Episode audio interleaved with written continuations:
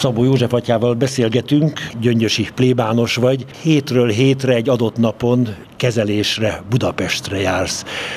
2020. júliusában kiderült, hogy daganatos beteg vagyok, hasnyálmirigy daganatom van, és természetesen a kivizsgálások után elindult egy kemoterápiás kezelés.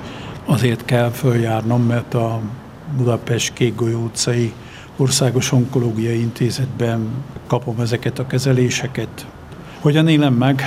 Kicsit be kell vallanom őszintén, a furcsa viszonyom van ezzel a dologgal, mert először olyan meglepő volt, hogy é, aztán úgy állok hozzá, hogy a jó Istennek ez egy olyan kézenfogása, ami, tehát nem, nem a jó Istenen kívüli dolog, és nem egy átok, meg stb., hanem ez hozzátartozik az ő szeretetéhez.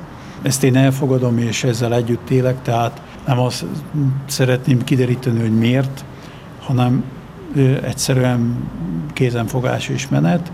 Természetes megfogalmazódnak ezek a kérdések, de a legegyszerűbb válasz az, hogy hát ez az üdvösségem útja, és hogy ezen kell végigmenni.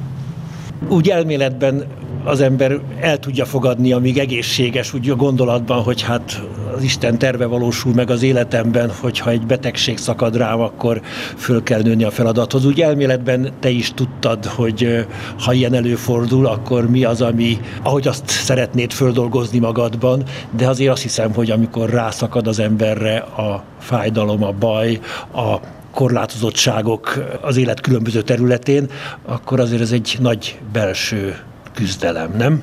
Ezt én egy picit másképp élem meg. Tehát egyrésztről igazából olyan nagy korlátozottság nincsen. Isten különös kegyelme számomra, hogy nem érzek fájdalmat. Ez azt jelenti, hogy nincs olyan, hogy most jaj, jaj, jaj, nagyon fáj, és inkább hagyjanak békén.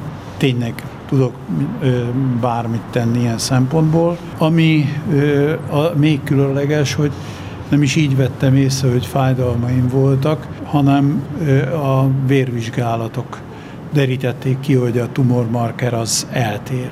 Persze jelent korlátozottságot, meg jelent feladatot, mert a hétfői nappal nem tudok tervezni, mert akkor menni kell, és ott kell lenni, és kicsit fohászkodni azért, hogy igen, akkor legyen kezelés, tehát legyen elég a trombociták száma, de egyébként nem, nem arról szól, hogy, hogy most hú, akkor hú, hát így, meg úgy, meg nem, nem, nem, így, nem így ér. Az más kérdés, hogy az is egy különleges dolog, mindig mondják, hogy milyen szerencsés vagyok, hogy én fehér színűt kapok, és nem pirosat, biztos, de nincs meg a, az a fajta terheltsége a dolognak, hogy émeigés, jó, néha gyengeség az megszállja az embert, de, de abban szerintem én is ben vagyok lustaságommal, egyebekkel, óvatosan fogalmazok ilyenkor mindig, mert azért nagyon különbözően éljük meg, tehát azért a betegtársakon látom meg,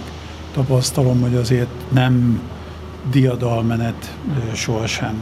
Jó, nekem is volt dizájnváltás, éppen tegnap este értem meg, hogy Majnek Antal Püspök atya csak egy ö, különleges információból értette meg, hogy hú, hát te a Szabó József vagy. Igen, hát fogytam 50 kilót, elment a hajam, úgyhogy mondta, hogy hát gyanús volt a hangom, hogy az, az gyanús volt, de hát akkor is.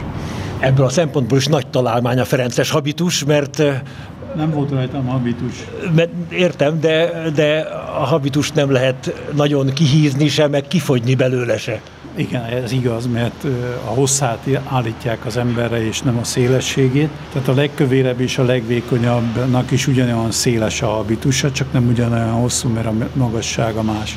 Mit üzensz a hallgatóknak? 2021 Szent József év, Szabó József atya, aki kemoterápiás kezelésben részesül hétről hétre, de hála Istennek az életkedve megmaradt. Ugyanolyan mosolygós, mint volt, tehát rá lehet ismerni.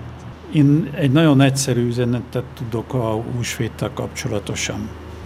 És ezt Barsi Balástól tanultuk annak idején orosz órán, mert a normál dicsértességgel köszöntünk mindig az orosz órán, oroszul természetesen, és elfelejtett fölkészíteni bennünket arra, hogy a föltámadás után más kell mondani, és amikor először letolt bennünket, hogy nem tudjuk, aztán rájött, hogy nem, nem tanított meg minket, mert ugye először úgy köszöntük, hogy Szává Isus Krisztus, tehát hogy dicsértessék a Jézus Krisztus, és akkor feltámadás után pedig, hogy Krisztus Vaszkrésze, Vaiscinu Vaszkrésze, és hogy Krisztus föltámadt, valóban föltámadt.